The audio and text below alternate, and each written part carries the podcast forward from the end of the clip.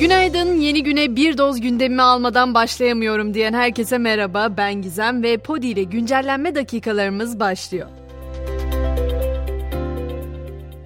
Cumhurbaşkanlığı ikinci tur seçimlerine sayılı günler kala adayların propaganda konuşmaları dün akşam TRT'de yayımlandı. Cumhurbaşkanı Erdoğan seçmenden hem katılım hem de destek istedi. Kılıçdaroğlu ise konuşmasında Erdoğan'ı TRT'de tartışmaya çağırdı ve ikimiz de er meydanına çıkalım dedi. Liderler ikinci konuşmalarını 27 Mayıs'ta yapacak. Öte yandan dün akşamın en çok konuşulanlarından biri de Kılıçdaroğlu'nun katıldığı Mevzular Açık Mikrofon programıydı. Kadıköy Rıhtım'da kurulan dev ekranda da yayımlanan program ilk yarım saatte yarım milyondan fazla kişi tarafından izlendi. Kılıçdaroğlu program hakkında ilk defa manipülasyonlar, montajlar, yalanlar, iftiralar, türlü türlü sahtekarlıklar olmadan yüz yüze konuşabildik, tartışabildik yorumunda bulundu. Bu arada programda Kılıçdaroğlu'na İBB'den atıldım hani namus sözü diye soru soran Ozan Şimdi'nin İBB çalışanı olmadığı, taşeron firma çalışanı olduğu ve ilgili firmanın ihale süresi bitince kendisinin de iş akdinin sona erdiği ortaya çıktı. Günlerdir konuşulan o montaj videolar konusu da yargıya taşındı. CHP, Cumhurbaşkanı Erdoğan'ın mitinglerinde kullandığı montaj video ile ilgili 1 milyon liralık manevi tazminat davası açtı. Kazanılacak tazminat şehit çocuklarına burs olarak verilecek. Siyasetin tartışma konularından bir diğeri ise Zafer Partisi'nin Kılıçdaroğlu'na destek açıklamasının ardından protokolün dördüncü maddesine HDP ve Yeşil Sol Parti'den gelen itirazlar. Merkez Yürütme Kurulları olağanüstü toplanan partiler 28 Mayıs seçimindeki tutumlarıyla ilgili nihai kararını bugün açıklayacak. Siyaset gündemiyle ilgili son haberimse AK Parti listelerinden milletvekili seçilen Hüda Parlı Serkan Ramanlı'nın meclis yeminiyle ilgili sözleri. O konuda yeni bir tartışmayı başlattı. Meclis yemin metninin doğru bir metin olduğunu düşünmüyoruz diyen Ramanlı, yemin metninin değişmesi gerektiğini savundu. Gelelim bankacılık sektörüne. Türkiye Bankalar Birliği'nden bu sektörle ilgili önemli bir açıklama var. Bankacılıkla ilgili konuların siyaset üstü tutulmasının önemine işaret edilen açıklamada sektörün güvenirliliğine zarar verebilecek spekülatif açıklamalara itibar edilmemelidir. Bankacılık sektörü tüm yükümlülüklerini karşılayabilecek güçtedir denildi.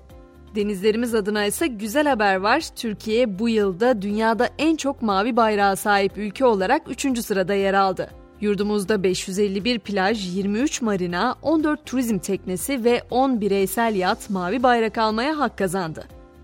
Dün akşam iki önemli isim de aramızdan ayrıldı. Ünlü caz sanatçısı İlham Gencer 98 yaşında yaşamını yitirdi. Gencer'in ölüm haberini oğlu şarkıcı Bora Gencer sosyal medya hesabından duyurdu. Bodrum'daki evinde aniden rahatsızlanan sanatçı yapılan tüm müdahalelere rağmen kurtarılamadı. Rock müziğin kraliçesi Tina Turner da 83 yaşında hayatını kaybetti. Turner'ın uzun süredir mücadele ettiği bir hastalığın ardından dün evinde öldüğü açıklandı. Turner hayatının son yıllarında kanser, inme ve böbrek yetmezliği gibi sağlık sorunları yaşamıştı. Fransa'ya geçtiğimizde karbon emisyonlarını azaltmak amacıyla ülkede trenle 2,5 saatle gidilebilecek mesafedeki iç uçuş seferlerinin yasaklandığı haberiyle karşılaşıyoruz. Yasağın başkent Paris'le Nantes, Lyon ve Bordeaux gibi şehirler arasındaki hava yolculuklarını hariç tuttuğunu da belirteyim. Peki yapay zeka işimizi elimizden alabilir mi? Bu soruyu günlerdir belki aylardır tartışıyoruz ama biz bunu düşünürken anlaşılan o ki bazılarına büyük zaman ve para kazandırıyor. ABD'li bilim kurgu yazarı Tim Boucher, ChatGPT'nin de aralarında bulunduğu yapay zeka araçlarını kullanarak 9 ayda tam 97 kitap yazdığını açıkladı. Ağustos'la Mayıs arasında 500'den fazla kopya sattığını söyleyen yazar, toplam kazancının 2000 dolardan fazla olduğunu açıkladı.